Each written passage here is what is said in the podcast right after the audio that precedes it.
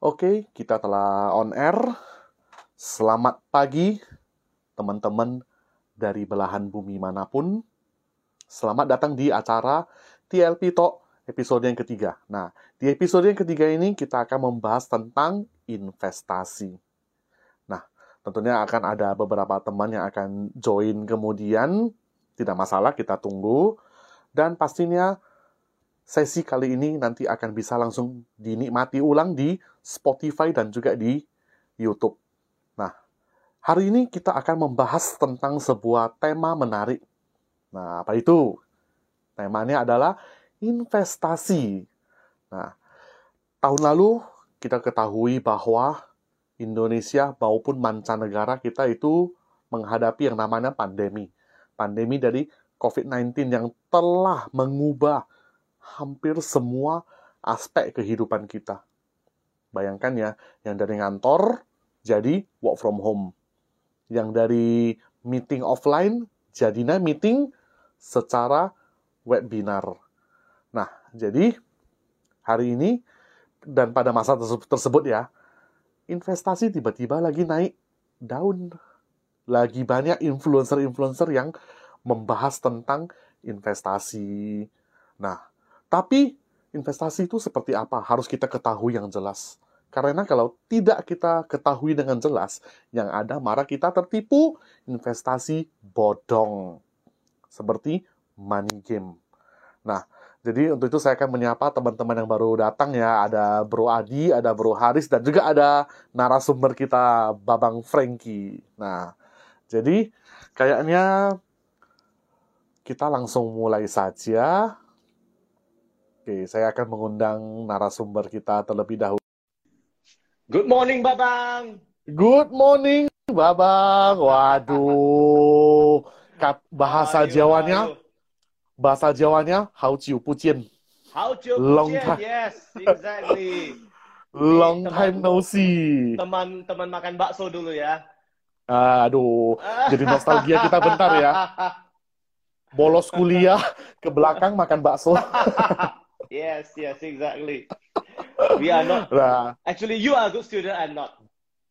Oh no. Halo, Haris.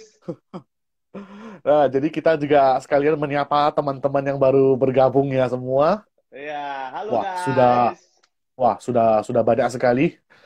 Terima kasih ya kepada teman-teman yang telah hadir semua. Gimana kabarnya, Babang Frankie di Medan? Um, good, good, good.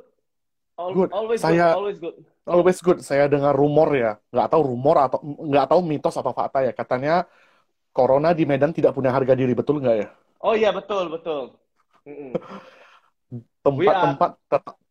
We are tough son, son of a bitches. that's we call that's we call Medan Lang. Medan Kia. The, the Society of Medan, nah, we call that lah. Apa? Mm orang bilang apa kebal ya kebal segala-galanya ya betul kebal segala-galanya corona nggak ada harga diri di aduh luar biasa luar biasa jadi ini mungkin sudah mulai banyak ya teman-teman yang bergabung ya hmm. oke jadi mungkin berhubung kan ini adalah sesi wawancara ya jadi hmm. ada yang mengatakan kalau tidak kenal tidak sayang kata pepatah ya tapi jangan tanya saya pepatah yang mana saya pun nggak kenal Okay. Katanya kalau tidak kenal, tidak sayang. Mungkin bolehlah kita mendengar sedikit profil dari Babang Frankie. Oh, oke. Okay. My profile. I am uh, penjual kecap nomor dua. Hmm, cukup, cukup, cukup, uh, cukup bisa lah jual-jual koyok gitu ya. Jual-jual koyok, oke. Okay. Uh, yeah. I, I think that's it. Wah, ini asik ini, seru ini. yes, yes. Come at me, brother. Oke, jadi terima kasih ya pada teman-teman yang telah bergabung ya. Jadi tanpa panjang lebar lah ya, mumpung kita langsung mulai saja. Nah, hmm. tema hari ini kita kan akan ngobrol tentang yang namanya investasi. Betul. Yaitu logika ataupun emosi. Nah, yes. jadi tahun lalu ini ini kebetulan ya tren yang saya perhatikan di sosial media ya waktu sebelum covid itu trending yang sedang apa hot ya kayak hype di internet itu adalah digital marketing yes. branding yes. sosial media Yes. lomba-lomba semua membuat konten-konten yang berhubungan dengan pokoknya yang berbau online-online lah ya, yang online-online itu. Sekarang Nah. sekarang dunia saya yang lagi dis- diserang ini. Nah, waktu itu masuk corona waktu bulan 3 tahun lalu. Saya perhatikan, Iya. loh, tiba-tiba kok banyak banget orang membahas tentang investasi. Semakin Benar, banyak benar. influencer yang membuat konten-konten investasi. Loh, ada apa ini? Tiba-tiba OJK juga membuat video. Mari menabung saham, katanya. Yuk nabung saham, Oh. yes betul. Ah, yuk nabung saham. Loh, semua pada gitu ya, ibaratnya dari Tapi eh, swasta. tapi eh, yuk nabung saham itu udah berlangsung I think for four years. Udah udah lama banget. For years, Ya. for years ya. Kebetulan Mm-mm. tahun lalu iklannya gencar banget. Gue lihat. Benar, benar, benar, benar, benar. Ya, mungkin waktu itu for years dia masih gigi satu ya. Lalu masuk gigi dua, eh tiba-tiba corona gigi empat dia langsung. Iya, Langsung ketemu gaspol. mo- ketemu momentum. Betul, momentum. Nah, jadi yang namanya momentum itu kalau kena hit, ah kita bisa melejit tinggi. Betul, Jadi- betul. Mungkin banyak teman-teman yang masih awam atau ibaratnya masih baru lah ya di dunia investasi ini, pada masih bingung loh. Apa sih itu Hmm. bedanya trading saham ataupun menabung saham? Mungkin kita mau penjelasan yang very apa? Very simple dari Babang Frankie supaya teman-teman lain sekali dengar, oh ini yang maksudnya menabung saham, oh ini yang maksudnya trading saham. Oke, Mm-mm. kita persilakan Babang Frankie Oke. untuk memberikan clue-nya kepada kita. Oke, jadi menurut saya, uh, for me, everybody should invest in stocks. Everybody invest. Jadi menurut aku semua orang harus bisa belajar untuk menabung saham. Tetapi tidak semua orang bisa trading saham. Jadi itu bedanya jauh sekali. Uh, artinya apa? Kalau kita menabung saham, artinya setiap setiap bulan, let's say kita bisa menyisihkan uh, penghasilan kita untuk uh, beli saham-saham perusahaan yang bagus. Karena in the long run, uh, history has proven us that investing give us a much much better return dibandingkan dengan all other asset classes. Investing in stocks. Jadi bahkan kalau kita bandingkan dengan deposito ya udahlah ya, maksudnya uh, it is obvious that in the long run stocks beat deposito, stocks beat bond, stocks even beat house, stocks even beat uh, like uh, instrumen-instrumen lain, emas, stocks even beat emas also. Jadi stocks is the best uh, in, in investment instrument there is. Jadi menurut aku semua orang harus bisa belajar untuk menabung saham. Tetapi trading saham it is like a totally different thing. Trading itu adalah kita membeli sebuah instrumen, kita membeli saham untuk bisa menjual kembali di harga yang lebih tinggi. Right. Jadi menurut aku secara gampangnya begini, ketika kita membeli saham, itu artinya kita berkongsi bisnis dengan partner kita, pemilik bisnis tadi. Right. Nah, uh, the the problem arise when we don't know what we are doing. Kalau kita ikut-ikut teman, ikut-ikut influencers, uh, asing kong kami, abing kong kami, walang toy, uh, that, that that that will become a problem. Nah, that that uh, tapi if we uh, if the process is a well thought, well researched process, then uh, we should be fine. Kira-kira seperti itu. Tapi kalau trading itu uh, it it involves a more uh, sense of specula speculation. Jadi kita membeli ini kita mengharapkan orang bisa membeli lebih tinggi dari kita. Right. Nah, mungkin itu itu berbeda. Itu itulah bedanya. Jadi kalau kita dalam investasi uh, kalau di, di investasi itu gimana ya? How to put it? Uh, kalau di investasi itu menurut aku semua orang harus investasi. Artinya kita beli, beli, beli, beli, beli, dan kita mengharapkan in return kita mengharapkan dividen, right? Jadi uh, kita kalau dividen itu apa? Dividen itu kalau misalnya kita punya bisnis, oke, okay? bisnis ini menghasilkan satu miliar misalnya dalam satu tahun, ya contohnya kita punya coffee shop deh. Nah, dari satu miliar ini, mungkin 500 juta kita bagi ke pemegang saham, dan kita bagi-bagi uh, supaya ini 500 juta kita uh, kembangkan lagi. Mungkin kita buka cabang dan lain sebagainya, beli mesin baru dan lain sebagainya. Nah, dividen itu adalah 500 juta pertama yang kita bagikan ke, ke para pesaham. Nah, investor itu adalah orang yang beli untuk mengharapkan dividen. Sedangkan trader adalah orang yang beli coffee shop ini untuk dijual lagi coffee shopnya ke orang lain. Mungkin mengerti ya? So I think everybody should be an investor again, and not everybody can be a trader. ya, terima kasih penjelasannya itu sangat mudah sekali dipahami ya. Jadi beda Semoga. dari hmm. Trading sama dengan menabung saham. Nah, Betul. jadi ini ini kita sering ya dengar ya orang-orang dulu ya kan suka kali ngomong seperti ini ya. Hah, mm. kamu mau main saham atau bahasa Jawanya kupiau ya. Kamu mau main saham itu itu mah itu mah nggak ada bedanya dengan you pergi judi beberapa para paradigma zaman doeloe ya. Mungkin benar, masih benar, banyak orang yang mendengar, mendengar seperti itu ya. Hah, lu beli ini nanti dia apa tiap hari sembayang sembahyang terus apalagi naik naik naik naik, naik.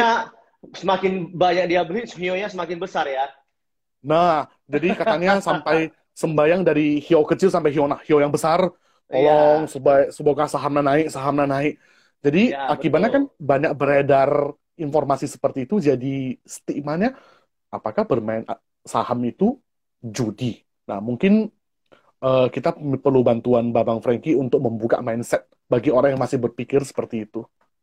Oke, okay. uh, eh, saham itu judi atau bukan itu sebenarnya tergantung manusianya ya.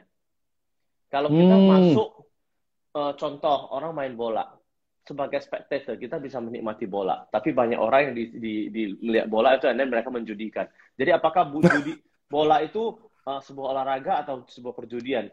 Uh, that that that can be like a very very close uh, ini ya. Tapi tergantung orangnya. Karena kenapa? Tidak bisa saya pungkiri, tidak bisa dipungkiri kalau uh, banyak elemen spekulasi uh, di antara orang-orang yang baru belajar untuk berinvestasi. Karena mereka ingin mindset-mindsetnya pengennya cepat. Sedangkan begini, hmm. kalau menurut aku, bisnis, uh, menurut Bro Erwin, bisnis itu uh, judi atau bukan, Bro? Nah, benar. Kalau menurut saya, bisnis itu kalau ada strategi, ada aturan main, bukan judi. Tapi kalau jalani bisnis tanpa edukasi, nol, nothing, no strategi itu judi. Uh, exactly, exactly. So, so that is that is exactly it. Jadi kan, uh, menurut aku, ketika kita membeli saham adalah kita membeli sebuah bisnis. Oke, okay, let's say kita hmm. kita ngomong tentang kita ngomong tentang bisnis aja deh. Uh, kalau kita nggak ngerti apa-apa, itu adalah kita berjudi. Mungkin like five years ago or six years ago, uh, di Medan mungkin di Jakarta juga banyak banyak anak-anak yang uh, pulang dari uh, luar negeri and then buka kafe. Without prior knowledge on how to conduct or how to do a, a cafe business. How to do a coffee shop yes. business. Kira seperti itu ya. Nah the problem uh, jadi apparent ketika terjadi problem dia nggak tahu mau mau ngapain. Ketika sepi nggak tahu mau ngapain. Right. Nah Uh, kalau kamu nggak tahu apa-apa, and then kamu buka buka sebuah bisnis, itu judi. Right.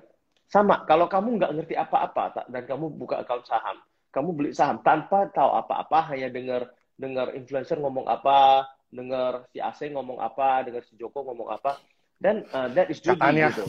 Nah, katanya hmm. ini mau diangkat. Nah, actually for us, uh, we don't do it that way. Kita nggak kita nggak kita nggak melakukan hal itu oh orang itu bilang apa? Ya udah orang itu bilang apa gitu. Orang itu bilang apa? Uh, katanya ini ada bandar mau angkat. Uh, we don't we don't that is not our game. We, we, we don't do it that way. Jadi uh, bagi kita we are not gambling.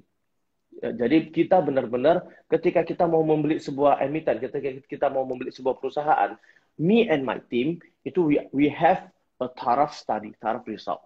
Uh, jadi kita ada lihat oh di company ini gross marginnya berapa, company ini gross marginnya berapa, company ini lagi uh, oh dia ada jualan aset, asetnya bosnya berapa, company seperti apa. Kita ada do a comparative study, we are we are doing the cash flow. Jadi kita benar-benar uh, melihat uh, sebuah bisnis ini uh, saham as a business.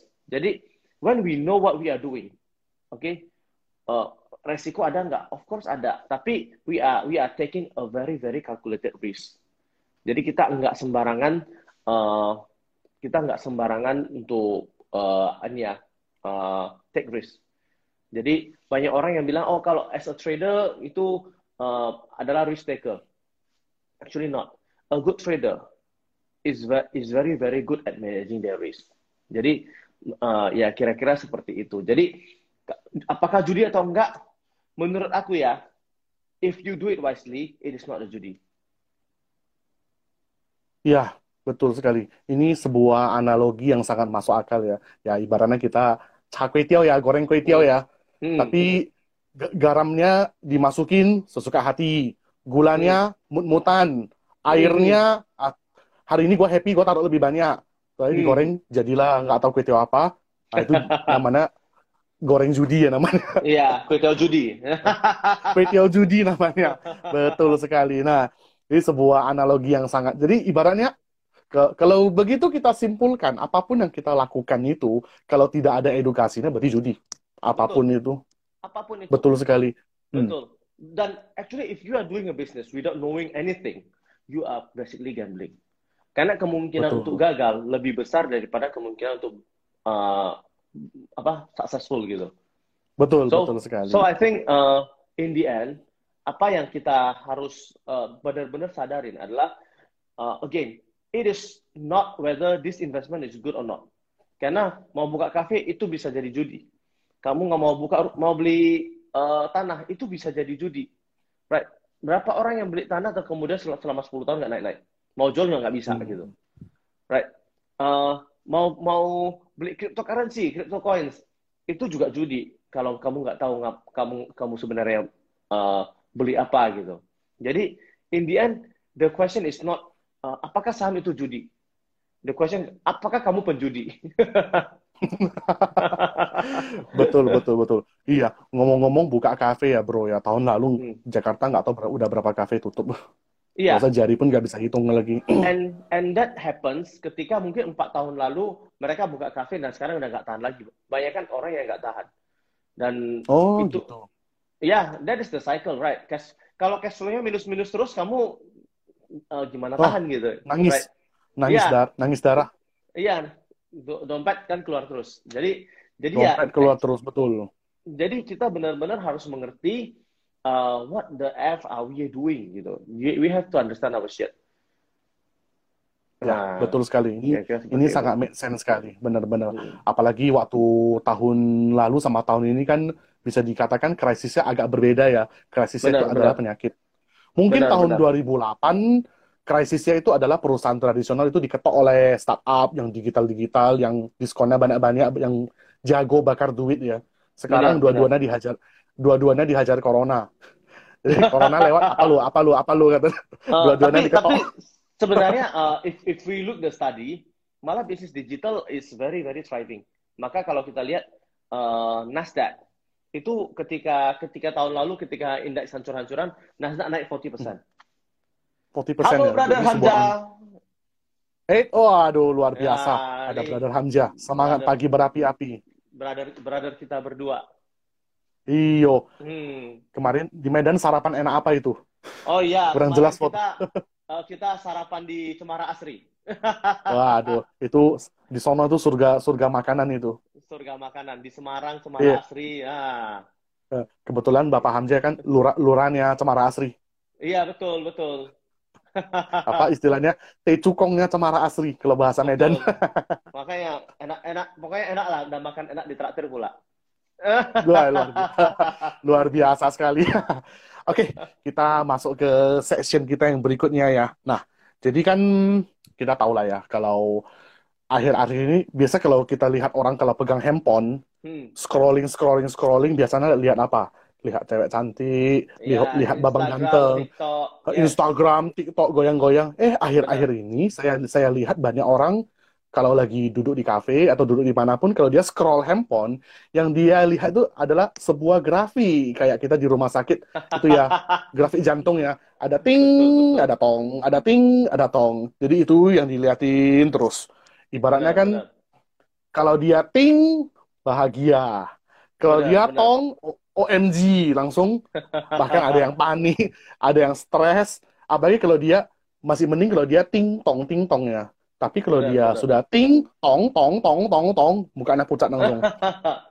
Itu Setelah muka ini pucat, eh, kalau kita lihat ya, Bro, eh, apa Uh-huh. namanya? Saham itu kalau eh, kita lihat grafiknya hijau-hijau, biasanya mukanya merah-merah. Happy. wah Right. muka merah-merah. Nah, Oke, Iya. Kalau kita lihat grafiknya merah-merah, biasa mukanya hijau-hijau. wah berarti dia ber- bertolak belakang, bertolak Iya, belakang berarti. Itu inversely related. Iya. Betul, betul, betul, betul. Ini psik- psikologinya betul sekali ini. Jadi kalau grafiknya itu turun merah-merah itu ibarat jantungnya turun ke basement 5. Benar. Benar. langsung bilang, mati gua, duit gua hilang ini. Pertama yang Benar, kepikiran itu dulu, my money loss. Eh, istilahnya di situ logika dan emosi itu konflik di dalam diri kita. Benar, benar. Jadi mungkin kalau teman-teman pernah dengar ya ada yang namanya teori ego state ya, ada tubuh kita itu terdiri dari beberapa personality. Hmm, hmm, Mungkin kalau teman-teman pernah nonton film Split ya, yang hmm. punya berapa itu 13 personality ya. Tapi Hmm. kalau untuk realita ya itu kan di film ya, nggak se ekstrim itu ya. Jadi itu pasti terjadi konflik batin. Ada personality yang bilang, weh weh turun tuh weh, cepat jualan nanti kamu rugi. Lalu benar, personality yang lain bilang, gue kemarin baru ikut seminar ini, katanya tahan, tahan, tahan. Akibatnya Hmm, hmm. konflik konflik diri terjadi itu. Si Benar, logika benar. sama si emosi berantem. Benar. Nah, jadi mungkin ah, di sinilah kita perlu Babang Frankie untuk kasih kita clue kalau kita terjadi yang kayak gitu, bagaimana kita memanage diri kita. Karena gue Ah. yakin Babang Frankie pasti punya pengalaman kalau ditarik mundur sampai zaman dulu di Pekanbaru. Dan Iya, saya iya, masih iya. ingat itu kita chatting itu, bro di mana? Pekanbaru. Nah, pasti Iya, udah iya. udah banyak udah banyak lah ya eh, pengalaman di dunia Bro, itu gini-ginian. udah itu udah 10 tahun Untung, loh, bro. oh iya, 10 years ago. Itu udah more than 10 years ago. More than 10 years. Iya, Around 10 15 years years. Iya, Around iya. 15 years. Sebelum Nah, kamu I dan saya believe- membengkak, bro. Uh, fotonya masih ada semua. so, so we can know ya, Babang Frankie or must be have a lot of experience Hmm, during profit, during loss. benar, benar. Waktu lagi profit, bagaimana kita mengelola emosi kita. Waktu lagi loss, gimana kita mengelola. Kayak ibaratnya ada orang gitu apa istilahnya kalau main poker di di Genting atau di Marina Bay ya. Hmm, Menang itu ketagihan. hmm. Kalah itu penasaran. Pulang dompet tinggal tinggal bon bon tagihan aja. Iya, Oke, iya, nah iya, di sini kita mau dengar sharing dari Babang Frankie dulu untuk kondisi seperti ini. Eh, Oke, untuk kondisi seperti ini, to be honest ya, mungkin karena aku udah like more than 10 years, like 15 years of experience. Sekarang kalau naik ya oke, happy gitu. Kalau turun ya oh ya biasa aja gitu. I mean like, uh, I don't have like such uh, the emotional ups and downs gitu lagi. Kenapa I don't have such an emotion, emotional ups and downs? Bukan berarti saya nggak ada ini ya. Karena saya sudah manage my position. Jadi uh, in my portfolio, uh, kita punya like I think we have like a lot of stocks. Kita punya like I think more than 10 stocks, even 20, right? Yang yang kita beli beli beli maksudnya kita and we know for like for each and every stocks that I buy, I know why I buy it. Right? Jadi ketika dia naik, I know why it goes up. Ketika dia turun, I know what the fuck goes wrong. Oke, aku Ah. aku sering-sering apa ya? uh, cuman uh, the the point is untuk tahu untuk bisa have that emotional stability, you have to know why you are doing this, right? You have to know dari awal uh, kamu ngapain. Eh, anyway, ini halo brother Melvin Chandra, ini tanggal 929, uh, my boss ya. Oh, Ya. halo Bro Melvin. Wah, Ah. luar biasa, luar biasa. Thank you for join, thank you for join. halo brother, halo Devina. Jadi Halo Devina, apa kabar? Uh, jadi ini apa ya? uh, menurut aku to have that emotional stability, first and foremost, we have to know kita beli ini karena apa, right? Kalau misalnya kita beli uh, ini karena kita nggak tahu, karena influencer ngomong ini, when it goes down, Hmm. I have to rely on the influencers to let me know uh, kapan aku harus cut loss. Dan influencers never told you to cut loss, sangat-sangat jarang sekali. Hmm, Nah, kira-kira begitu.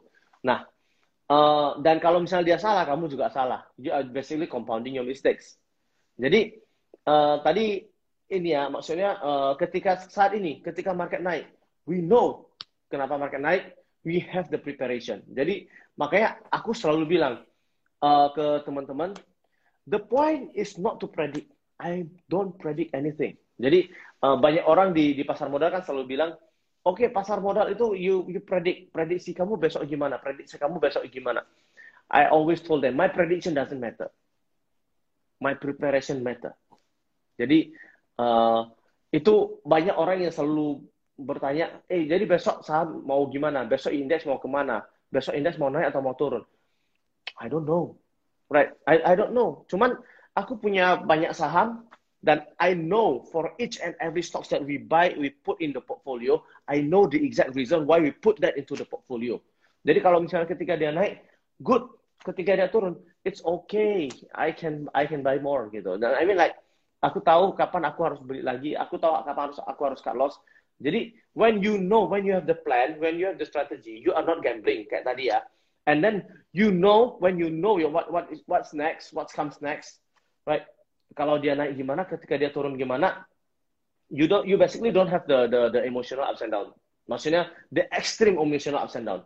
Tentunya emosional itu tetap ada, tapi uh, we have uh, manage it. Jadi ketika dia turun, oh ya udah kita kita mau ngapain? Ketika dia naik kita mau ngapain?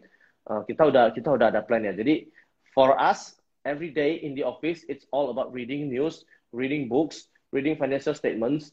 Jadi uh, kita kita memang udah punya uh, ini ya, maksudnya benar-benar uh, what we do is a team of think tank. Jadi benar-benar uh, yang yang apa namanya, yang yang kita yang kita lakukan adalah kita benar-benar well thought, well research proses. Jadi uh, kalau misalnya orang masih punya naiknya happy banget, ngomong ke semua ke ngajak ke semua teman ke uh, ke warung kopi atau ke kafe dan terakhir semua orang okay, aku dapat duit ini, okay, uh, that is not the way. I mean like, uh, banyak orang, okay, I, I met a lot of people, especially before the COVID. Jadi ketika aku met with people, I put my laptop, okay, and and then I I I I talk. I mean like ngobrol-ngobrol. I aku aku adalah tipe orang yang senang uh, obtaining information. First by reading, second by meeting people. Jadi I meet a lot of people before COVID. jadi uh, ya, jadi aku selalu menekankan before COVID. Jadi uh, aku selalu kayak aku pengen tahu tentang this business, this sector, this industry. Oke, okay? uh, kebetulan I I am I am lucky to have uh, such and such friends yang ngerti di di bidangnya gitu. Contoh kalau aku mau tanya tentang uh, property, I can ask Mr. Melvin to to explain it for me gitu kalau aku mau tanya tentang sabun, I can ask Mr. Hamza to, to, to explain it for me gitu ya. Jadi kemarin aku dapat sabun 101 dari Mr. Hamza. Which is very very uh, ini ada ada apa viscosity atau viscosity ya atau apa gitu untuk mengukur ketebalan hmm. sabun dan lain sebagainya. Eh that's new thing gitu. Maksudnya uh, untuk untuk belajar tentang ini ya. Kalau untuk uh, ketika aku mau uh, membeli saham telekomunikasi, aku ada ajak teman saya yang kebetulan one of the biggest distributor uh, of pulsa di di di Medan di Sumatera tepatnya. Jadi we we we have like ini. Jadi aku uh, ngobrol-ngobrol uh, ketemuan and then banyak orang ketika ketemuan sama saya dia dia suka ngomong, "Eh, kerjaan lu enak banget ya. Tinggal buka tinggal buka laptop uh, buy sell buy sell aja gitu." uh, buy sell buy sell. Oh iya jadi uh, I, I told them uh, ya yeah, actually my, my my kerjaan memang enak sih maksudnya. Tapi actually my kerjaan is is uh, uh, is ini ya. Maksudnya banyak orang yang uh, a little bit a little bit sekarang sekarang mereka udah I I always explain it to them gitu. Maksudnya uh, kerjaan as an investor as a trader itu sebenarnya bukan bu, uh, bukan easy money. Jadi banyak orang yang punya mentality begini. Kalau aku dapat duit dari saham aku akan belanjakan uang itu because that is easy money. Karena aku dapat uang ini tanpa usaha. Menurut aku hmm. if you if you have such and such mentality then you are wrong. Kenapa? Karena uh, in the end uh, stock investing it is a very very laborious job. Orang hanya melihat uh, ini apa namanya iceberg. People just hmm. see the tip the tip the tip of the iceberg. People don't see the mountain. Right? Right. Jadi orang ketika kita lihat dia di gini, oke, okay, itu ya buy di tip of the di tip of the icebergnya itu ya buy sell buy sell gitu, memang benar. Tapi di bawahnya itu ada risk management, portfolio analysis, company analysis. You have to like read tons and tons and tons of uh, financial statement, you have to read books, you have to read everything. Jadi uh, itu benar uh, kalau ini mungkin Brother Melvin ini ya uh, sering sering chat saya sampai jam satu malam jam uh, in fact kemarin kita chat sampai jam kemarin jam satu malam pun dia telepon saya. Wah, Jadi, benar-benar very hard worker. Uh, actually we are we are not menurut aku sebenarnya I'm not a hard worker. I'm doing it because of love. Right. Yes. I mean Uh, itu jam baca saya itu jam satu sampai jam satu malam jam dua malam kemarin I, aku jam 2an baru tidur gitu I mean like and it all it dan itu that is not exclusive to like today gitu. Setiap hari begitu. I mean like uh, like brother Melvin uh, bro Melvin itu ke, tahun tahun lalu I don't know if if he continues to this year satu buku uh, satu minggu selama 20 minggu. Dan he consistently doing it. Right. Minggu ini buku ini, minggu ini buku ini, minggu ini buku ini. Uh, I mean like that that is, that is a true discipline there, right? Dan kerjaan kita ya seperti itu. Minggu ini company ini, minggu ini company ini, minggu ini company ini. Jadi hmm, mantap. Jadi dan uh, kita juga benar-benar harus at least we have to understand what is the business model of the company. Company dapat duitnya dari mana, right? Hmm. Kalau company ini kita lihat dari revenue-nya, eh kok meleset. I mean like ada company yang dari revenue sampai ke apa gross gross margin udah minus. Itu udah konyol kan, right? Jadi uh, we have to know why. Why is that? Is that an opportunity? Uh, ya, ibaratnya dari revenue uh, di, dikurangi HPP tiba-tiba udah minus. Berarti HPP-nya lebih besar daripada revenue. Kan konyol. Nah, tapi such and such, uh, tapi such and such company exist gitu. Dan ternyata hmm. bisa bisa terjadi begini karena di laporan pembukuannya itu tanggalnya uh, berbeda gitu. Jadi jadi ternyata ada ada mismatch in in their dates gitu. Jadi uh, ada such and such company exist gitu. And then uh, kita baca tentang perusahaan, kita baca tentang prinsipal, kita baca tentang how to uh, in spot a very very good companies. Nah kira-kira seperti itu. Nah uh, ini Devina yang Devina bilang Devina Devina Uh, hmm. Dia bilang nggak tahu rupanya naik lima persen aja butuh kesabaran dan perjuangan baca financial statement. Ya, uh, ya, yeah, that, that's true. I mean like, uh, oke okay lah, for for five percent mungkin enggak ya. uh, tapi tapi uh, if you read financial statement uh, and if you understand the financial statement, you can get substantially substantially more. Never percent. Ya, betul sekali, betul sekali. Uh -uh. Wah, satu penjelasan yang sangat komprehensif dan padat berisi. Jadi bahasa orang sekarang isinya daging semua. Bahasa orang oh, sekarang. Daging dan lemak-lemaknya, bro. dan satu hal, dan ada satu hal. Nah, ini yang barusan Babang Frankie jelasin ini ada satu yang mau saya tanda kutipkan ya. If you love what you are doing, itulah hmm. salah satu kunci Anda bisa berhasil dalam profesi Anda. Kunci ya, kunci. Pasti satu, hmm. you love what you are doing kecuali coba bayangkan kalau ada orang yang every morning come to the office atau come to the shop ayo what to do today ya udah mengeluh duluan hmm. ya ibaratnya nanti waktu dewa rezeki lewat ah nggak deh ke tetangga aja deh ke ke rumahnya Pak Franky aja deh jadi kasih lebih banyak Fat Chai, Fat Chai-nya dulu. Oh, Fat Chai, Fat Chai, betul. Iya. Oke. Okay. Anyway, nah. yes, five bagger for the win. Oke. Okay. Oke, okay. nah sekarang kita akan masuk ke satu topik yang lebih kontroversial lagi. Wah, ini lebih menantang lagi ini. Sehubungan gua itu semi detektif money game, spesialis okay. mendeteksi money game. Akibatnya banyak musuhnya. Oke, okay. I love I love you brother. Uh, I love you. This for you. Kenapa? Karena kalau yang namanya main money game itu otaknya otak micin, maunya cepet, kaya, maunya Betul. easy money. Betul. Itu satu.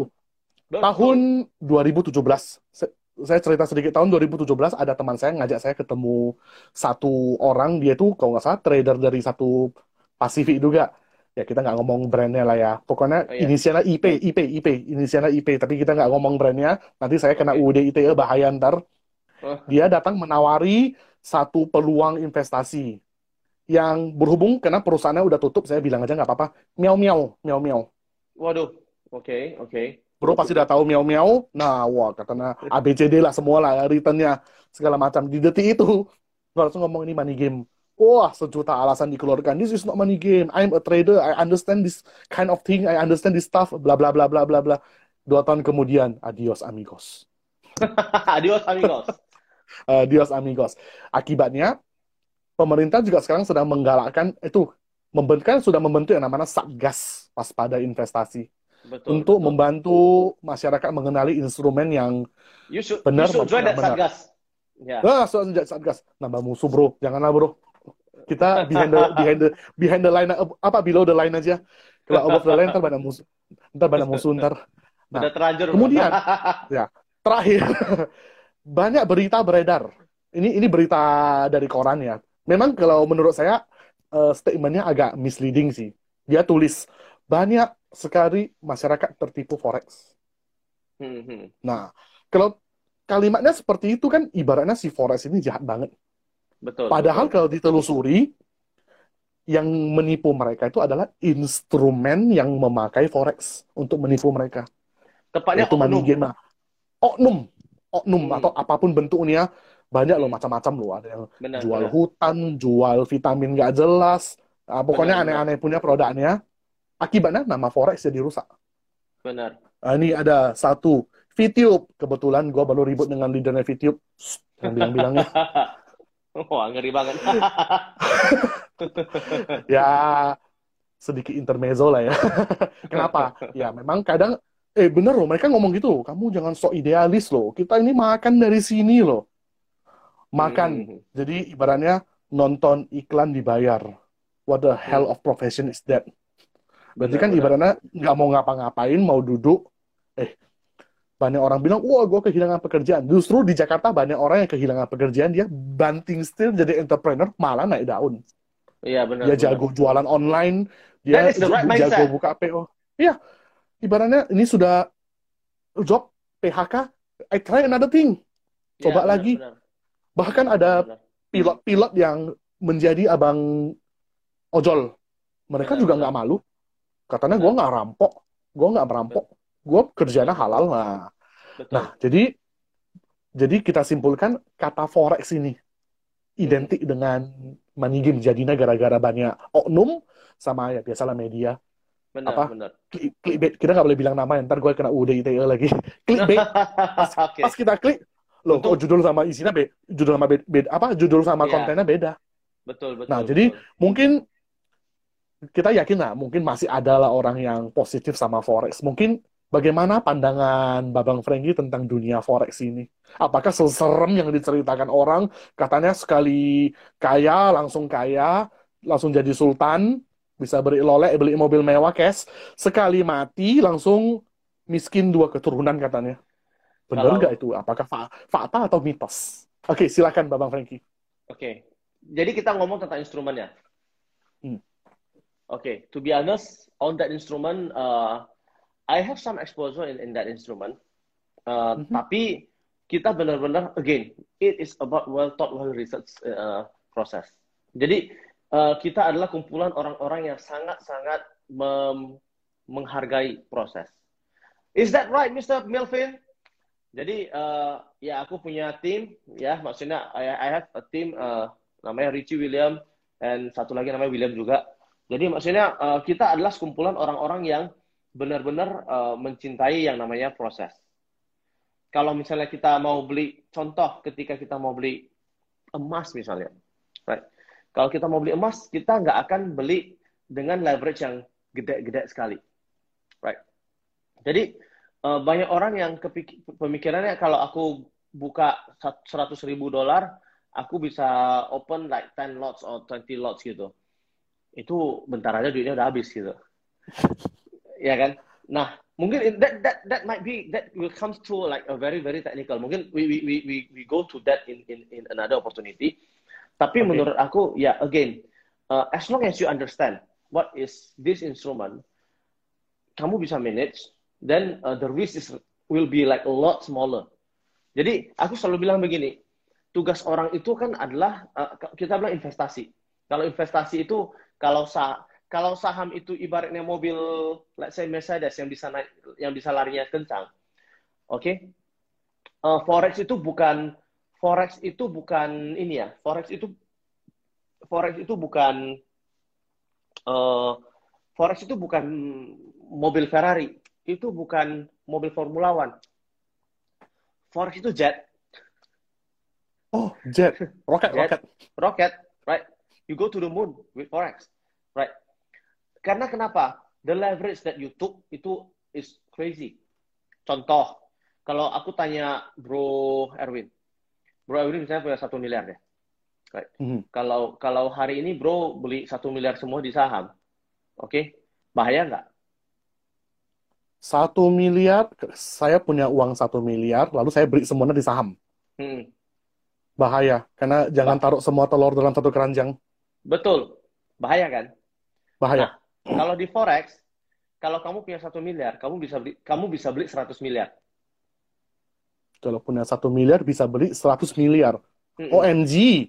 Jadi kalau misalnya instrumennya turun satu persen aja, uh, ya, ya, sayo, ya sayonara.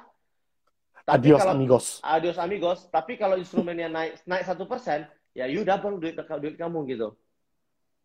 Oh, You- no you ngerti kan? wonder. You ngerti? Ya, ya, ya, ya, ya. That that that's the essence of uh, forex trading gitu. Jadi that is the essence of actually not forex. Bahkan namanya bukan forex. Forex I, I- let me let me let me define like a very a very Mhm. clear definition. Forex itu adalah foreign exchange. Oke? You buy forex di bank. Right? Yes. Cuman orang sekarang orang mengatakan kalau forex itu adalah instrumen yang ini, which is yang ini sebenarnya namanya futures. The function of futures Futures. the the function of futures is to leverage to be an insurance of your other asset classes. Sebenarnya fungsinya adalah insurance. Jadi Hmm, uh, mungkin ini bisa agak sedikit panjang ya tapi I, I hope I hope you can understand. Misalnya begini misalnya begini. Erwin adalah seorang penjual handphone penjual iPhone. Oke. Hmm,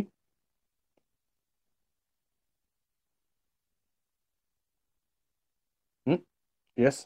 Nah, let's say E- Erwin ad- adalah seorang penjual iPhone, right? Dia jual iPhone di, eh contoh lah, beli satu juta US, be- eh, dia beli satu juta US dollar, which is 10. Anggap, ah, anggaplah ini ya, anggaplah satu juta US dollar ini adalah eh, apa namanya? Anggaplah satu juta dolar ini eh, adalah modalnya. Erwin bisa Erwin Oke. bisa dapat dapat termin satu tahun nggak usah bayar.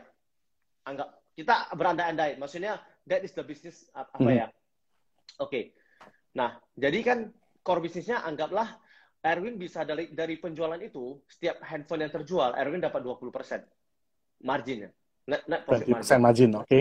Oke, jadi kan, jadi artinya Erwin beli handphone satu juta dolar, jual handphonenya, kan kan jadi jadi rupiah kan, jadi 10 miliar. Mhm. Kita bayarnya kan satu juta dolar, balik sini jadi 10 miliar. Oke, Betul. and then kita jual. Jadi dapat 20%, kita dapat 2 miliar. Kemudian akhir tahun kita balikin 10 miliar ini ke eh, supplier kita. Kita dapat 2 miliar. Kira-kira bisa bisa Hmm. dipahami? Kal- Nggak, maksudnya so far bisa dipahami ya. That is how the business works, Ya, right? ya, benar. Right. Benar, Nah, benar. Pertanyaannya, kalau misalnya US dollar tiba-tiba naik 50%, kepa- seperti ketika 2013 dari 9.000 jadi 14.000. It happens, right? Ya, betul. Yes. Berarti anggaplah jadi 10.000 dan 15.000 ya, ba- uh, supaya gampang. Berarti ketika Erwin dapat 12 miliar, ketika mau balikin, eh US sudah jadi 15.000. Ketika you mau balikin, you convert ke US dollar, jadi lu butuh 15 miliar untuk convert ke US dollar loh. Ngerti ya? Benar. Jadi untuk 15 miliar itu, setelah kamu susah payah buat marketing lah, uh, buat bisnis dan lain sebagainya, jualin jual- jualin uh, handphone dan lain sebagainya, you are left with nomor 3 juta, eh 3 miliar, minus 3 miliar. Hmm. Minus 3 miliar. Oke? Nah, sebenarnya fungsi instrumen futures itu apa? Supaya hedging, supaya whatever happen with the currency, kamu bisnis real kamu nggak ada impact. Jadi kamu nggak, Hmm. jadi jadi kamu ngapain? Kamu taruhlah satu persen, oke? Kamu bukalah account futures, kamu taruhlah ini. Ketika dari 10 ribu naik ke 15 ribu, kamu dapat uh, 5 miliar dari uang 100, Hmm. dari uang 100 juta kamu, right? No wonder, No wonder namanya futures ya, masa depan. Iya, yeah, benar. Jadi the function of futures is to hedge. Ya, itu untuk melock currency risk kamu. Jadi itu adalah untuk hedging. Itu bukan untuk uh, spekulasi. But di Medan, di Jakarta, di like I think in every every every every countries of the world, 99% orang menggunakan futures untuk speculation. Only 1% mungkin hmm. because this is uh, because this is a good ini ya. Cuma perusahaan seperti Sinarmas, Wilmar, uh, perusahaan-perusahaan uh, perusahaan-perusahaan yang besar itu menggunakan instrumen futures untuk hedge their currency risk. Hmm. Ngerti ya? Mereka menggunakan itu, they, they are doing it properly. Jadi kayak contohnya kita insurance. Pernah kepikiran nggak kita kita satu tahun bayar satu juta, satu satu bulan bayar satu juta, satu tahun bayar kira-kira 12 juta. Tapi kalau kita yes. koin kita dapat satu miliar. Hmm. That is futures. That is insurance. That is futures. Betul betul. Ngerti ya? Insurance. Ngerti ya? Jadi sebenarnya futures it is insurance. Tetapi uh, banyak orang yang salah kaprah, banyak orang yang mengira kalau uh, futures itu adalah instrumen untuk cepat kaya gitu. It is not. Hmm. It, uh, betul, futures, betul. the function of futures adalah untuk melindungi aset kamu. It is okay. as a form of protection. Long term, sekarang saya udah paham. Kalau mau ke Sun Plaza, naik Mercy boleh. Kalau you hmm. ke Sun Plaza naik roket, hmm. mallnya hancur Anda tabrak. Iya, betul. Betul. Jadi Ya. Tergantung. Yeah. Jadi tergantung. Maksudnya uh, kira-kira begini. Uh, kalau if you want to invest in futures, right? Uh, bukan bukan invest in futures. Futures is for hedging. Jadi ibaratnya sekarang I'm long on I'm long on Indonesian market. Actually, basically, I I I I'm a, a net shorter untuk uh, US market gitu. Jadi because the the, the valuation parity. Nah, nah kira-kira mungkin agak-agak teknis ya. Tapi ya yeah, mm -hmm. that's how it works, right? Jadi uh, orang orang yang ngomong tentang futures itu judi atau bukan? Iya tergantung dan futures itu lebih gampang lagi dijudikan karena kamu beli hari ini besok bisa double. Tapi it it it doesn't work that way, right? The wise investor doesn't work doesn't trade futures as a speculation uh, instrument. It is a hedge. Jadi ya ibaratnya. Oke. Okay. Nah, ya jadi kalau untuk melindungi apa yang jadi inilah ya apa yang benar-benar jadi uh, what is what is your core your core business your core oper operational business. Jadi kalau kamu dapat 2 miliar futures kan jadi 15 miliar. Futures kamu dapat 5 miliar untuk nutupin itu profit kamu tetap 2 miliar. Apa jadinya kalau misalnya futuresnya tiba-tiba turun uh, jadi 8 ribu, kamu rugi 2 miliar. Tapi kan kamu kamu tinggal dari yang 10 m, kamu tinggal bayar 8 m. Jadi ujungnya kamu ujung-ujungnya kamu, kamu tetap dapat 2 miliar. Jadi that hmm. is to protect your 2 miliar. Benar, benar, benar, benar.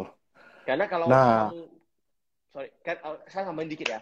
Karena kalau misalnya okay. kita pakai instrumen futures, oke, okay, uh, kemudian kita uh, beli beli sorry kalau kita menggunakan instrumen futures, maka kita sebenarnya uh, we are buying insurance. Tetapi most of the time, most of the people menggunakan instrumen futures as a product of speculation. Itu yang buat orang banyak mati. Right? Banyak ruginya gila-gilaan. Hmm. Right? Jadi, Jadi uh, ya kira-kira seperti itu. Wah, berarti pantesan ya Foras itu banyak digunakan oknum untuk dijadikan instrumen money game. Pantesan karena seperti itu. You taruh tempat saya. Karena licin. You taruh tempat micin. saya. Ya. Micin, micin. Ya. Garansi 30%. Wah, you taruh tempat saya garansi 40%. Enak banget. Kalau gitu mah dunia nggak ada orang miskin, nggak ada orang miskin lagi kalau gitu. Semua orang benar. kaya. Benar, benar. Maka Can imagine ya? Benar, benar. Bahkan uh, Warren Buffett pernah uh, bilang derivatif kalau kita gunakan it as a speculation, it is a weapon of mass destruction. Sama seperti tadi hmm. yang Erwin bilang, kalau kita ke kita pakai roket ke Sun Plaza, ya hancur-hancuran semua. Benar, benar. Karena instrumennya nggak tepat. Benar. Misalnya kita mau ke bulan pakai helikopter, yang nyangkut. Benar, benar. benar. Hmm, I see, I see. Sekarang ini satu pengetahuan yang sangat mantap buat teman-teman semua ini. ini wajib di, dijadikan konten Spotify ini. Ini sangat bermanfaat sekali. Ini bisa mengedukasi banyak orang ya. Bro, Indonesia itu 250 juta penduduk, tapi yang Benar. teredukasi belum banyak. Masih sangat banyak yang perlu edukasi-edukasi dari ya orang-orang semacam kita lah. Yang Hmm. rela jual koyo demi bantu negara ini. Betul. Hmm. Oke. Ya, act- actually ya, Ah. itulah generasi micin is very very uh, dangerous. I mean, Eh. uh, kalau kalau kalau what I what I want to instill to younger generation adalah love the process, like hargai proses, cintai proses. Halo Pak Markus Kusuma, wah ini uh, re- regional headnya Telkom ini. Wah, thank you. Halo Wah, luar biasa. Kasapa. Wah, Thank you, thank you pada teman-teman. very very very important person listening. Wah, Amazing, amazing. Thank you, thank you. Thank you very much, thank you very much. Jadi benar yang bro ngomong itu ya, kita tahu lah anak-anak muda zaman sekarang tuh lebih banyak mencari kemudahan. Bangun tidur, YouTube. Dulu kita mau nonton satu karton harus nunggu seminggu demi seminggu dan nontonnya di Hmm. tetangga karena nggak ada nggak nggak punya TV. Hmm, hmm, benar, benar, benar. Nah, nah jadi Benar. ibaratnya dunia ini mengajarkan kemudahan ke generasi muda kita itu. Untuk itulah bagaimana peran orang tua apa pun seorang coach untuk membuat anak tersebut masih memiliki mental pejuang Benar. kayak lah misalnya kayak kita dengar lah kisahnya Tokopedia Tokopedia sukses hari ini itu nggak ada yang namanya instan langsung benar. I want build Tokopedia plup langsung jadi gedungnya no no not like that harus bisa menjalani yang namanya penolakan stres Betul. Betul, betul. hopeless bahkan sampai di titik hopeless mereka masih berjuang nah Benar. itulah yang perlu kita turun turunkan ke generasi muda. Apalagi sekarang ini kan beredar ya istilahnya dari dunia investasi. Wah jadi cepat kaya. Diterima diterimalah ke pikiran anak-anak muda sekarang. Oh cepat Benar. kaya ya boleh nih boleh. Oknum bisa memanfaatkan hal tersebut. Benar, benar, benar. oh nih. Nah jadi ibaratnya anak sekarang perlu ditempa mentalnya. Benar. bayangkan bro ya. Zaman sekolah kita dulu ke depan kerjain matematika salah ditendang guru Benar. pulang lapor lapor mama dipukul lagi kalau sekarang terbalik Iya. ya gurunya Iya. mukul besok polisi polisi datang astaga Iya. Benar, benar. Which is actually which Nah. is why I'm I'm very very big on education. I'm very very big Yes. on parenting. I mean like aside from financial uh, industry ya. Karena menurut Yes. aku uh, anak muda is uh, masa depan. Anak muda is Yes. the, the real future. Jadi jadi menurut aku uh, aku kebetulan ketemu sama ini uh, aku promosi sedikit ya. Uh, oh no problem no problem it's okay it's okay that's not even mine gitu. Maksudnya cuman I'm very passionate on on this gitu. Uh, waktu itu ada ada event SML Talk, and then aku kan diundang jadi pembicara. Kemudian uh, di di depan yang sebelum saya yang yang tapping sebelum saya itu uh, kan be- because aku orang kan aku pengennya lebih cepat. Maksudnya aku aku kalau ada janji aku biasanya satu jam duluan aku udah datang. Karena Yes. aku aku nggak mau orang lain yang nunggu. Ya, Sir Anton, betul. Jadi uh, jadi ada ada ini Sir Anton, dia yang dia yang uh, presentasi duluan gitu. I don't know him gitu. Cuman kalau lihat dari tampangnya ya uh, dia tampangnya lebih muda dari saya.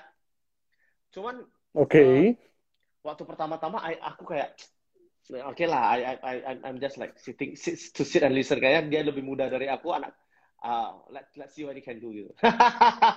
waduh oke Kayak- oke kayak, kayak menantang banget gitu ya. Tapi tapi ya maksudnya tapi uh, tapi waktu setelah aku makin dengar makin dengar the way he talk about parenting, the way he talk about education, uh, which is also I, what I truly believe in gitu ya. Aku sampai uh, ini I, I had a goosebump sampai berdiri uh, bulu kuduk. Apa- Saya sampai uh, ada momen-momen saya terharu, ada momen-momen saya sampai uh, it- itu it- bahasa bahasa Jawanya mau kuncang Benar, benar, benar. Ya, ya. Kalau nggak salah itu bahasa Ukraina, bro. Mau oh, bahasa Ukraina salah salah oke jadi, jadi, oke uh, jadi uh, sa- saya sampai uh, apa ya, sampai I'm, I'm very touched gitu. Benar-benar genuinely touched. Saya sampai bilang, aduh, saya uh, saya setelah setelah dia ngomong tentang parenting, dia ngomong tentang uh, dia ngomong tentang education, bagaimana anak yang dari awal mulanya minder, kemudian dia bisa ngomong sama orang tuanya, dia bisa pelan-pelan guide anak ini supaya anak ini found his uh, brief, uh, found his uh, keberanian gitu ya, uh, punya pelan-pelan bina mentalnya gitu. Benar-benar saya aku benar-benar sampai uh, ini very very uh, touch gitu ya. And then aku cari aku uh, ya aku carilah dia gitu. I mean like ah tapi setelah itu setelah giliran dia giliran saya yang ngomong aku jadi merasa jadi orang yang amoral gitu dari dari dari orang yang pertama ngomong tentang pendidikan, ngomong tentang anak-anak yang very very touchy feely gitu. Tiba-tiba saya datang ngomong duit. itu kan profesi bro, jadi nggak yeah. apa-apa. It's okay, still okay. but but this man is really good. This man is really great. Uh, uh, I believe that uh, dia adalah kepala sekolah di di ini ya, PB hmm. School namanya ya I even enroll my son there gitu maksudnya uh, ya jadi maksudnya buat teman-teman yang peduli dengan anak-anak peduli dengan edukasi uh, you can check out on him dan nanti hari Rabu uh, I will do this session I will interview him on being a good parent karena kita kita datang as a parent itu tanpa ada manual book oke okay? and then kita nggak tahu sebenarnya mana yang benar mana yang enggak gitu Nah, maybe it's it's it's really good kalau kita bisa get one person yang bisa reference on us. Oh, kita uh, kita ini sebenarnya baik. Uh, kita kalau begini baik atau enggak gitu. Ya, yeah, oke. Okay. That, that that's the intermezzo. Jadi teman-teman, if you like care about parenting, if you care about relationship, if you care about the morality and mentality, please come and visit. Check out check out on Santon. He's super. Hmm. Hari Rabu ya acara interviewnya ya. Saya pasti dengar. Yes. Iya, jam berapa, Bro? Jam, jam berapa? Malam. Jam 9 malam. Oh. Ya. Oh, itu itu adalah waktu jam santai, jadi tidak ada alasan tidak mendengar. Benar, benar, benar. Oke, okay, ini ada satu pertanyaan menarik ini apa ini ya? What do you think about the potential downgraded wow, generation great, that mentioned in the social dilemma documentary? Kayaknya topik kita sekarang udah bergeser dari financial ke tiba-tiba bergeser ya. Ke, nggak nggak apa-apa. Intinya kita masih kenapa? It's a very Karena question because kita kita juga sering saya juga sering ngomong tentang dunia gini-ginian sih karena kan background saya dunia NLP sama teknologi pikiran jadi yang di ngomongin yang gini-ginian semua juga kenapa sih hmm. anak gue jadi kayak gitu kenapa sih staff gue bandel kenapa sih manusia all about human human being benar benar oke okay. so, maybe, maybe ini sosial dilema sosial dilema dokumentari kebetulan yang ini gue belum nonton jadi gue nggak bisa explain hmm. Oh, ya, oke. Okay. Mungkin Bro Babang Frankie udah nonton ini?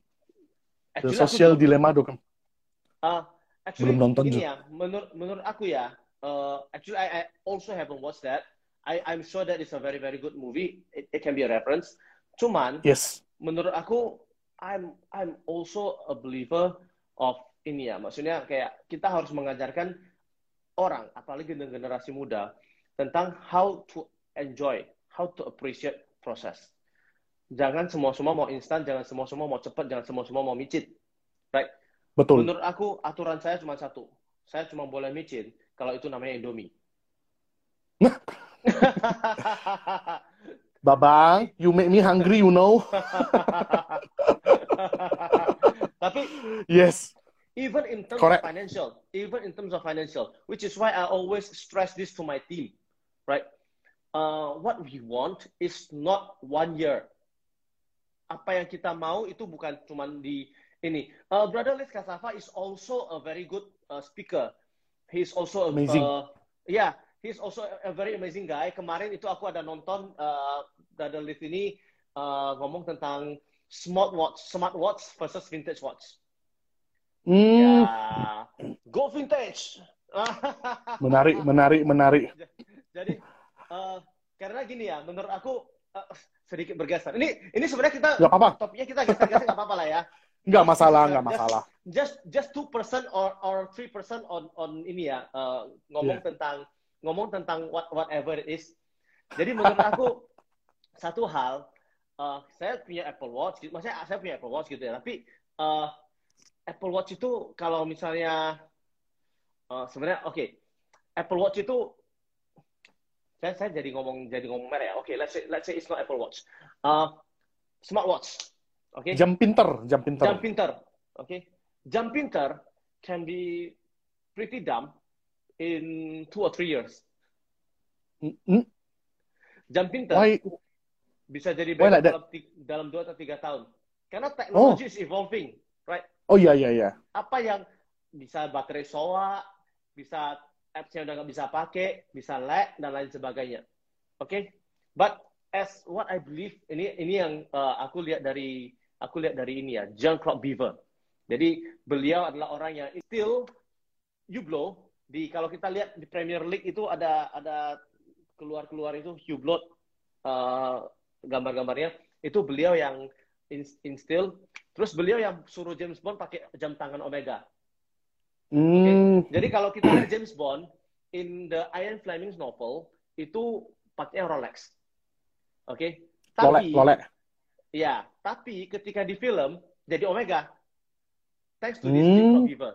Jadi dia bilang gini, Big Bang, Big Bang itu uh, jam-jam di, di di Inggris di UK itu udah Yes. ratusan tahun and still working. Oke. Hmm. Jadi jadi sebenarnya uh, jadi the art of watchmaking is eternal. Itu sampai sampai beratus-ratus tahun it will still be there. It will not change. Maksudnya masih akan di sana gitu. Jadi ya yeah, maybe that that that's sedikit tentang sedikit tentang my my my take on on that that issue. I dan itu udah dijelaskan sama bro bro, bro Lid Kasafa juga sih. Cuman uh, because I'm I'm uh, such a big fan jadi aku ulangi lagi. Mantap, mantap. Asal jangan besok kita lihat jam Big Ben berubah jadi smartwatch, kita pusing kita semua. Pening kita pening. Ya. Pening kita, kita pening. Itu memang jam legendaris sih. Kalau nonton film James Bond, pastilah melihat jam tersebut. Iya benar. Jadi su- Nah. so- supaya nggak deviate so- terlalu jauh from the topic, ini aku pengen ngomong tentang ini, the emotional and the rational uh, side of finance of of investing. Yes. Jadi banyak orang yang bilang uh, investing itu rational atau uh, the the oh the classic uh, economic theory said that uh, barang dan jasa uh, market is rational. Jadi kalau barangnya murah permintaan akan naik. Barang kalau harganya Yes. mahal permintaan akan turun. Oke, so explain Rolex. Jadi Jadi rolek, Ah. rolek. Ya, jadi uh, kira-kira begini, uh, market is not rational. Market is very very emotional, which is why I think people like you and the, the NLP practitioner will be a good investor because you are very mindful and very aware on how the uh, how the psychology of people. Dan Yes. uh, menurut saya yes, mana mana yang lebih penting, logical or emotional? That is that is the the key. That's the key topic of our conversation today, right? Nah, menurut aku yang paling penting adalah sebenarnya dua-duanya penting ya. Oke, Mhm. you have like you have to balance it both ya. Maksudnya uh, Yes. logical side and emotional side. Kalau kemarin aku poll, aku poll di in my Instagram story banyak yang pilih, banyak yang pilih, tapi overwhelmingly I think like 81% bilang logical, logical. Logic is uh, more important than the emotional. 19% pilih emotional. Uh, which is menurut aku dua-duanya penting. Yes. Uh, and of course bagi semua mereka semua juga pasti dua-duanya penting. Karena karena aku paksa mereka pilih jadi mereka pilihnya begini. Ternyata logical lebih penting. Hmm. nah benar. Logical itu lebih penting tapi emotional play a very very big role. Salah satu my investment hero namanya Peter Lynch. Peter Lynch if uh, if you are like if you want to learn about uh, value investing if you want to learn about being a very very good investor you should read his book uh, Peter Lynch. Ada tiga buku Beating the Street uh, random uh, uh, sorry beating the street walk on wall street kalau nggak salah sama satu learn to earn. Uh, all those three are very very good books. Uh, di mana dia bilang gini sebenarnya skill yang dibutuhkan untuk kita investasi dengan baik uh, cuman tambah kurang kali bagi percentage. That is that that's five. That's five uh, key skills. Jadi all those great words itu sebenarnya nggak nggak gitu penting sigma alpha beta dan lain sebagainya Uh, it, it doesn't really uh, useful Sinus, Ah. kosinus, tangen. Iya, iya aku belajar dan udah lupa dan nggak nggak nggak pernah kepake. dan dan ini ya maksudnya eh, ketika tapi tapi setelah itu yang paling berperan adalah your mentality, adalah your emotional. Aku pernah punya satu uh, klien, satu teman, is uh, he's very very smart. He's very very, uh, I think he's like a hundred times smarter than I am. Dia jauh, dia seratus kali lebih pintar dari saya. Dulu yang ngajarin saya baca laporan keuangan itu ya si beliau ini gitu. He is my client. Sampai sekarang masih kontak, masih sering uh, makan bareng. Jadi dulu waktu aku masih belum bisa apa-apa, saya yang ke tempat beliau untuk berguru lah, let's say. Hmm. Oke. Okay. Tapi uh, yang saham-saham yang beliau sarankan itu semuanya naiknya puluhan kali. Wow. Iya, contoh satu saham yang beliau sarankan adalah Jakfa. Jakfa dia beli di harga 600 700 ketika 2008 turun sampai tinggal 300, 300-an. Oke. Okay?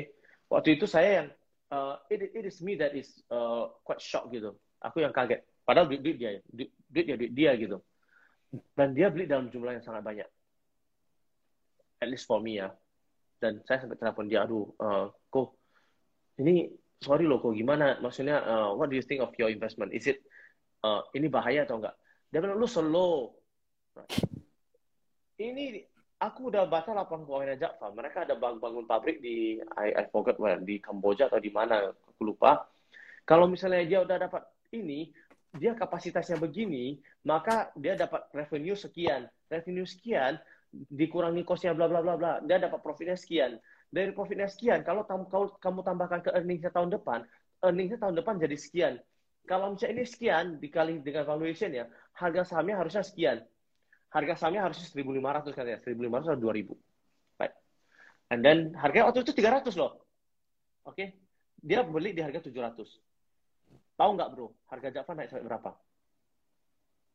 Naik sampai 10, sampai, naik sampai 15 ribu. Uh, amazing. 15 ribu right? dari dari berapa? Dari 3 ribu ya? Dari dari tiga dari 300 bro. Eh sorry sorry 300 hingga 15 ribu. 15 ribu. Oke, okay, teman. Dalam dalam dua tahun, dalam dua tahun aja loh, dalam dua atau tiga tahun, dalam dua atau tiga tahun, uh, you got like lima lima puluh persen, lima puluh lima puluh kali lipat dari duit kamu. Oh, kamu so, taruh, teman. kamu taruh sepuluh juta, jadi lima, jadi lima, jadi lima juta. So, teman-teman silakan ambil kalkulator, hitung sendiri berapa cuannya. 300 yeah. jadi 15 ribu. Tapi, tapi But, ada batnya dulu. Di, kalau nggak salah di harga seribuan udah jual. Ah, di harga seribuan sudah jual. Berarti ya. 300 waktu naik ke seribu sudah jual. Eh enggak, kalau nggak salah bukan bukan seribuan loh. Di tujuh di 800 900 udah jual, udah jualan. Hmm. Right. I mean like uh, dan dan banyak sekali case seperti ini. Maksudnya banyak sekali case-nya di mana uh, he calculated right. Oke. Okay? dia waktu itu dia bilang Jakfa bisa ke 1.500, kemudian dia bilang kalau misalnya tahun depannya bisa ke 3.000, tahun depannya bisa naik lagi karena this is like a very very good company. Maksudnya uh, jadi dia sebenarnya dia bilang oke okay lah kalau dia dia, dia kalau nggak jual di uh, dia kalau jual di seribuan harusnya dia at least bisa jual di 1.500 sesuai dengan yang dia bilang atau jual di 3.000 sesuai juga dengan yang dia bilang. Oke, okay? kita nggak bisa dapat yang tertinggi, tapi banyak sekali case di mana uh, uh, beliau ini beli di 100, kemudian ketika di 110 udah mau jualan. Naik ke 120 udah mau jualan. Ngerti ya? Naik, dapat 10%, dapat 20%, uh, is okay, is, is happy already gitu. Hmm. Nah, that is my friend, the emotional, the mental part plays. Kenapa? Yeah. Karena ketika dia udah naik, the logic, the logic is bisa naik ke ke 3000. Oke? Okay?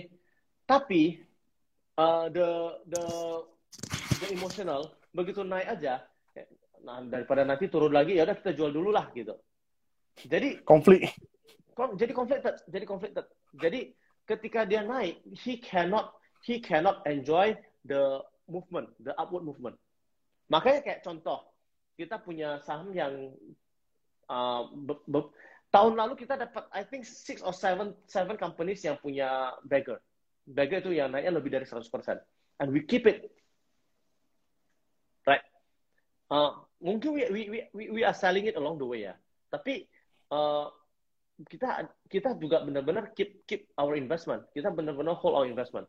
Jadi kalau misalnya ditanya logic, logiknya ya karena simply because I understand why I buy the stocks. Kemudian ketika emosionalnya, ya udah jangan jangan terlalu involved with the emotional part, part of, of, of the, the the process gitu. Karena market kan naik turun naik turun ya. Jadi we we can never know. Dan in terms of emotion, ketika kita uh, Warren Buffett says, we are paying a very high price for cheery consensus. Kita akan membayar harga yang sangat mahal untuk di saat market lagi euphoric, market lagi senang-senang. And as we all know, the wisest investment take that we can we the the the wisest investment action that we can take adalah always buy cheap, always buy uh, at a low price, always buy at a low valuation? Uh, price related to the valuation, because di saat itulah kita bisa dapat duit. Jadi kita, kalau kita bahas mungkin kita bahas sedikit tentang emosional, emosional aspeknya. Yes. Di Yes. bulan di bulan tiga, di bulan tiga bulan empat lalu, aku bahkan sampai ada post uh, satu artikel because I aku merasa the, the price is just crazy, right? The price is udah udah nggak udah nggak udah nggak masuk akal gitu. Ada company yang bahkan cashnya udah lebih besar daripada the harga dari seluruh perusahaannya. Kira-kira Hmm. kita kalau ke kita kalau ke Sogo kita bisa beli satu dompet harganya 3 juta tapi dalam dalam dompet isinya ada 5 juta gitu. Hmm, ya. amazing. that that is exactly the situation, which is why that prompt me to write an article uh, called portfolio distancing. Karena pada saat itu kan lagi lagi heboh kata social distancing ya. Jadi Betul. aku I, I put in in uh, uh, uh, a title portfolio distancing. Uh, karena aku merasa sa- masih ada di feed Instagram aku di bulan April kalau nggak salah. It published in Business Indonesia, uh, di mana aku ngomong tentang uh, Peter Lynch tentang kalau misalnya kita mau beli sebuah perusahaan, belilah di saat uh, itu lagi murah, di saat semua orang nggak mau. Because uh, Hmm. that is usually when you can find a very very good bargain, right? Dan dari saat itu kita beli, I don't know. Pada saat itu waktu aku beli, aku nggak tahu besoknya mau turun atau mau naik. Dan pada saat itu semua orang kira mau naik, mau, mau turun. Even aku sendiri kira mau turun. But that doesn't that but, but that is not the point. The point is ketika murah ya beli. Right. Hmm. Kita nggak tahu kapan kapan dia akan naik. Eh tiba-tiba dalam satu tahun ada dari like 10 10 10 atau belasan company yang aku beli, ada enam company yang naiknya 100% lebih during Hmm, that period. Jadi more than 100%. more than 100%. Satu company tadi Devina bilang five bagger naik uh, naik naik naik lima lima kali lipat. You you taruh you taruh less than, in less than one year ya. You taruh 100 juta Bagel. jadi jadi 650 juta. jadi jadi Iya, iya, iya. jadi uh, jadi that is that's it gitu. Maksudnya waktu itu aku suruh orang beli saham. Bahkan aku sampai tulis di koran nasional. And ketika aku beli aku bilang gitu uh, a lot of people uh, a lot of people nggak berani beli. Yang berani beli Hmm, yang yang benar-benar berani beli ya ya itu all all my all my friends there. Pak Pak Melvin dan kawan-kawannya I, I, I bilang oh, beli. They they kept on buying gitu. Uh, tapi for for most others aku bilang eh kayaknya saat ini lu boleh buka account saham deh lu boleh beli saham. I don't know besok mungkin bisa bisa turun ya tapi in the- think long term think long term. And guess what? Ba- sedikit sekali orang yang beli saham sedikit sekali orang yang Mhm. uh, buka bu- buka mak- maksudnya pada saat itu bulan tiga bulan empat sedikit masih masih sedikit right? Uh, tapi ketika bulan Desember bulan Januari tahun yang baru yang barusan lewat Barusan ini, ya. Nah, tiba-tiba banyak orang yang cari saya untuk eh kia kong kopio ini ya. jadi jadi uh, bahkan aku bilang aduh kalau sekarang jangan dulu deh. I, I think uh, the the the the price is quite euphoric udah ma, udah pada ini ya price in. Jadi bisa bisa bisa lebih kita harus lebih berhati-hati. Aku jadi kayak guyurin orang air dingin loh gitu. Waktu orang Terus, Ah, waktu orang-orang lagi nggak mau, aku bilang, "Ah, come on, buy stocks, buy stocks. Ketika orang semua orang mau, jangan dulu deh, jangan dulu deh. because uh, the the consensus is very very dangerous. Maksudnya it's very optimistic. Uh, kalau kamu beli, you are paying a very high price. Dan terbukti banyak orang yang kan kan tiba-tiba banyak orang yang bilang, oh aku ada pinjam online untuk beli saham, kemudian sahamnya turun 50 persen. OMG. Uh, iya, jadi dari 500 ya jadi dari satu miliar jadi 500 juta dan banyak orang yang beli saham-saham di saat yang di saat yang absolutely wrong, di saat yang salah. Nah, that is emotional in play. Menurut aku, uh, that is really, really, that is emotion. Kenapa? Uh, yang menurut aku, yang benar itu selalu orang yang minority. Ya. Uh, ketika semua orang bilang begini, the pressure, the peer, the peer pressure, oke, okay, semua orang bilang si, si Joko bilang, si Aseng bilang, siapa semua orang bilang uh, ini ini bakal ini bakal bagus, ini bakal bagus. Banyak orang bilang, banyak orang just because a lot of people say so doesn't mean it is so. Karena banyak orang yang bilang ini begini, tidak berarti ini begini. Right? It doesn't make it right just because many people tell tell it so. Jadi aku selalu bilang kayak kalau semakin banyak orang yang bilang, you have to like semakin berhati-hati That is emotional in play. That is emotional awareness. Kalau kalau kita aware about the emotion, kita nggak akan terjebak hal seperti ini. Bisa kira-kira bisa bisa tangkap ya. Jadi menurut yes. aku, apakah emosional penting? Penting, sangat penting bahkan. Jadi kesukses bahkan kalau aku boleh bilang, uh, as a result of a result of uh, scientific study said kesuksesan investasi seseorang bahkan itu emosional jauh lebih berperan dibandingkan dengan skill. 60% is hmm. emotional, hmm. 30% is skill, 10% is miscellaneous. Yes. Jadi emosional itu jauh-jauh lebih penting dalam uh, if you want to be an investor, if you want to be a trader, if you want to success in life as a person, as a human being, emotional is very very important. Jadi uh, jangan kau jangan jangan jangan khawatir kalau misalnya kamu nggak ngerti tentang uh, bagaimana cara baca laporan keuangan dan lain sebagainya. You can learn. Yes. Oke. Okay? Tapi, uh, tapi first and foremost adalah you have to be financially aware. You have sorry, you have to be emotionally aware. Jadi uh, banyak orang yang kena pitfall di sini. Banyak orang yang kena influencer itu punya banyak follower. That means apa yang dia bilang itu benar. Oh enggak kan? Iya, iya. Apalagi sekarang ini influencer di dunia investasi itu makin banyak. Nanti yang si A ngomong A, si B ngomong B, si C ngomong C, si D ngomong D, yang denger gila semua. Bener, bener. And Nggak tahu mau denger yang mana.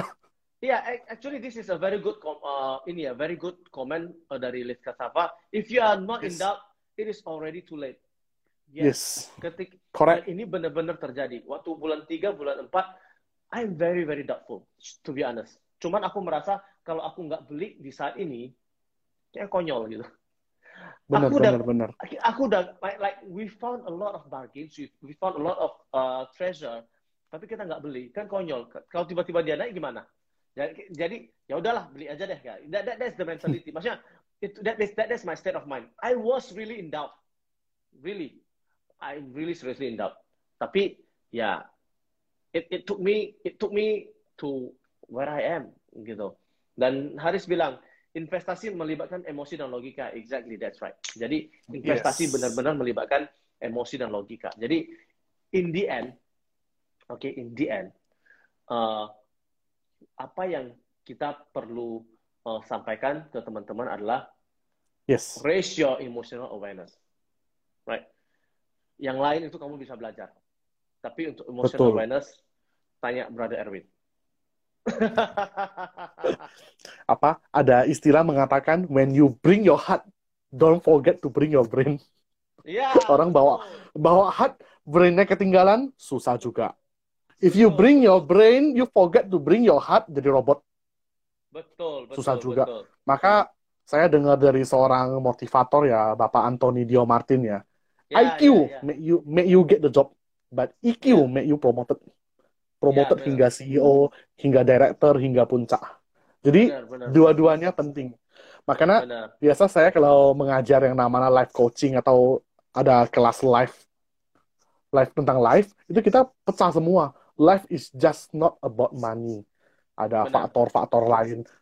Mentality alias kesehatan, bahkan rekreasi juga saya masukin rekreasi. Benar. Benar, benar, Nah, benar. itu itu panjang kalau kita misalnya bahas itu lagi mungkin kita selesainya tiga jam kemudian. Benar. Anyway, anyway apa ini dari Halo, Brother William. saya nih Ya, Brother William. ini Apa ini? teman- Fenomena GameStop itu contoh investasi emosional atau konsensus? Menurut aku ya, eh, ya, Yes. That is- eh, kalau kita emotionally ikut ikut dengan fenomena GameStop, oke, kita bakal ikut di di harga yang mahal. Mungkin Hmm, mungkin this is this is this is this is the last the last the last ini ya, last question. And Yeah. this is this is a very good uh, example. Yeah. Tidak semuanya harus kita mengerti. Right? Tidak sem I, I don't understand a lot of things. I think I only understand one one one one thing gitu. One one percent gitu. Jadi uh, ya William juga teman-teman makan busok, teman makan bakso teman kita. makan teman makan bakso di belakang dulu Iya. di kantin. Jadi ya, jadi uh, jadi uh, to be honest, GameStop itu kan uh, dari dibuat oleh degenerates of the Reddit. And they even call themselves degenerate, bayangkan. uh, kemudian ini ya, menurut aku that is something that uh, we cannot we cannot uh, fathom. Right? Nah, we we cannot menurut aku gini, Dari Bro Let Yeah, ke Safa, wah sesama Yeah. NLP enthusiast. Yes, kita boleh banyak ngobrol-ngobrol kita. That's good. Thank you bro, Jadi- thank you bro, thank you. Nah, jadi ini ya, maksudnya eh, yang GameStop tiba-tiba naik naiknya gila-gilaan gitu. Banyak orang yang eh, banyak orang yang short short this company. Dia kan kayak oh just just uh, uh, uh, old retail shop. Tiba-tiba karena banyak orang yang beli jadi naik. Oke. But the, that, then the question lies, okay, then it begs a question. What is the true valuation of a company? Right. If that is not it, and I will not follow. Jadi aku nggak ngerti sebenarnya valuation of the company itu dari mana. Contoh begini, kalau misalnya saya beli saya beli eh, sebuah bisnis yang bisa menghasilkan saya setiap tahun 100 juta, mungkin kalau saya bayar satu miliar, mungkin masih masuk akal. Karena that means my earnings itu 10%. Right. Kalau misalnya dia bagikan dividen setengahnya, my earnings itu 5%. Sedangkan deposito saya bisa dapat sekarang tiga sekian tiga setengah persen. Jadi it makes sense to buy a business in di harga satu miliar yang bisa menghasilkan 100 juta per tahun. In- a very simple term, right? Tapi kalau misalnya saya mau bayar untuk yang bisa 100 juta, saya mau disuruh bayar 50 miliar, that that is crazy, right? Nah, of course, that if that is not something we want to do, dia mau naik ke 100 miliar, dia mau naik ke 200 miliar, it it is not my game, it's not my play. Jadi, uh, I, I can because I'm not uh, that like the NLP master like two of you. I can only tell in my perspective. Jadi perspektif saya adalah if that is not my game, so be it. I only focus on what I play, what my game is, which is valuation Yes. right? Apa yang kalau misalnya kalau misalnya dia turun, contoh kalau aku beli tadi, dia perusahaannya bisa menghasilkan 100 miliar, saya beli di 1 m. Kalau misalnya dia turun jadi 500 juta, kamu mau beli lagi nggak? Aku beli lagi loh. Kalau kalau dia dia tahun depannya dapat 100 miliar, eh 100 juta. Hmm, Kenapa? Karena earning saya jadi 20% dalam sa- dari sa- da- dalam satu tahun. correct. Ya? Tapi kalau misalnya dia dia dari 50 miliar turun ke 2 miliar, eh turun ke 5 miliar, dia udah turun 90% loh. Dan earning saya masih masih jauh lebih kecil. Jadi it just doesn't make sense for me to invest in such and such company. If it doesn't make sense dan harganya bisa naik terus, so be it. It's just not my game. Nah, mungkin kira-kira gitu. Jadi uh, that is my take on emotional uh, aspect of uh, financial. Yes. Closing Ya. yang mantap sekali. Dan tidak disangka ya, ngobrol-ngobrol kita sangat asik sekali sampai satu setengah jam, luar biasa. Iya, iya. Kalau udah ngobrol, Das. kita udah Kalau Kalau udah sekali ngobrol- kayak malu-malu, begitu begitu naik panggung nggak mau turun-turun gitu ya. Nah, itulah itu. Itulah yang yang, yang kita, kita alami dulu waktu mau naik pentas kan, tangan kaki gemetaran. Setelah naik nggak mau turun lagi. Sampai Iya, apa di, di belakang itu timekeepernya gini-gini terus, "Woi, turun, Iya. turun." Itu pun pura-pura nggak lihat ya, sampai security datang Iya. seret baru. Ah, Pura-pura nggak lihat. I don't see, I don't see. Kenapa? Karena kan biasa kalau di pentas banyak spotlight. Pura-pura nggak lihat. Oke, Betul. thank you very much for the sharing hari ini. Thank Jadi you everybody. Thank you bro. Jadi. Babang Babang Frankie itu bisa menjelaskan dunia investasi dengan sangat sederhana sekali. Kenapa? Saya baca di artikel saya mabuk sendiri. Kalau mendengarkan dari Babang Frankie, saya langsung paham semuanya. Apalagi Thank you. untuk newbies, newbies seperti saya ini, yang ibaratnya masih baru-barulah melirik-lirik dunia saham. Thank you very much. Hope Thank you, one day thank you, kita thank masih you. bisa collab lagi, kita bisa ngobrol lebih banyak topik lagi. Of course, of course. Thank you brother. Guys, thank you, Ya, thank you, thank you. Saryadi, Thank you brother William. Thank you brother Haris. Oke, Let Kasafa dan teman-teman yang sudah participate. ya. Terima Love you. kasih. Love you to the moon and back. Oke, thank you. bye bye. Oke, we will meet again in another session. So, Oke, inilah thank you, brother akhir dari sesi kita. Thank you. Oke, thank you. Bye bye. Thank you. Bye-bye. Oke, terima kasih kepada teman-teman yang telah mendengar. Semoga sesi ini bermanfaat. Thank you, Bro Led Kasafa. Thank you very much untuk teman-teman semua. Thank you, Ricardo. Thank you, Haris. Oke, kita akan ketemu lagi di acara kita yang berikutnya yang akan mendatangkan lebih banyak narasumber-narasumber untuk membahas beberapa bidang-bidang menarik yang sedang trending. Salam sukses buat teman-teman semua. Luar biasa.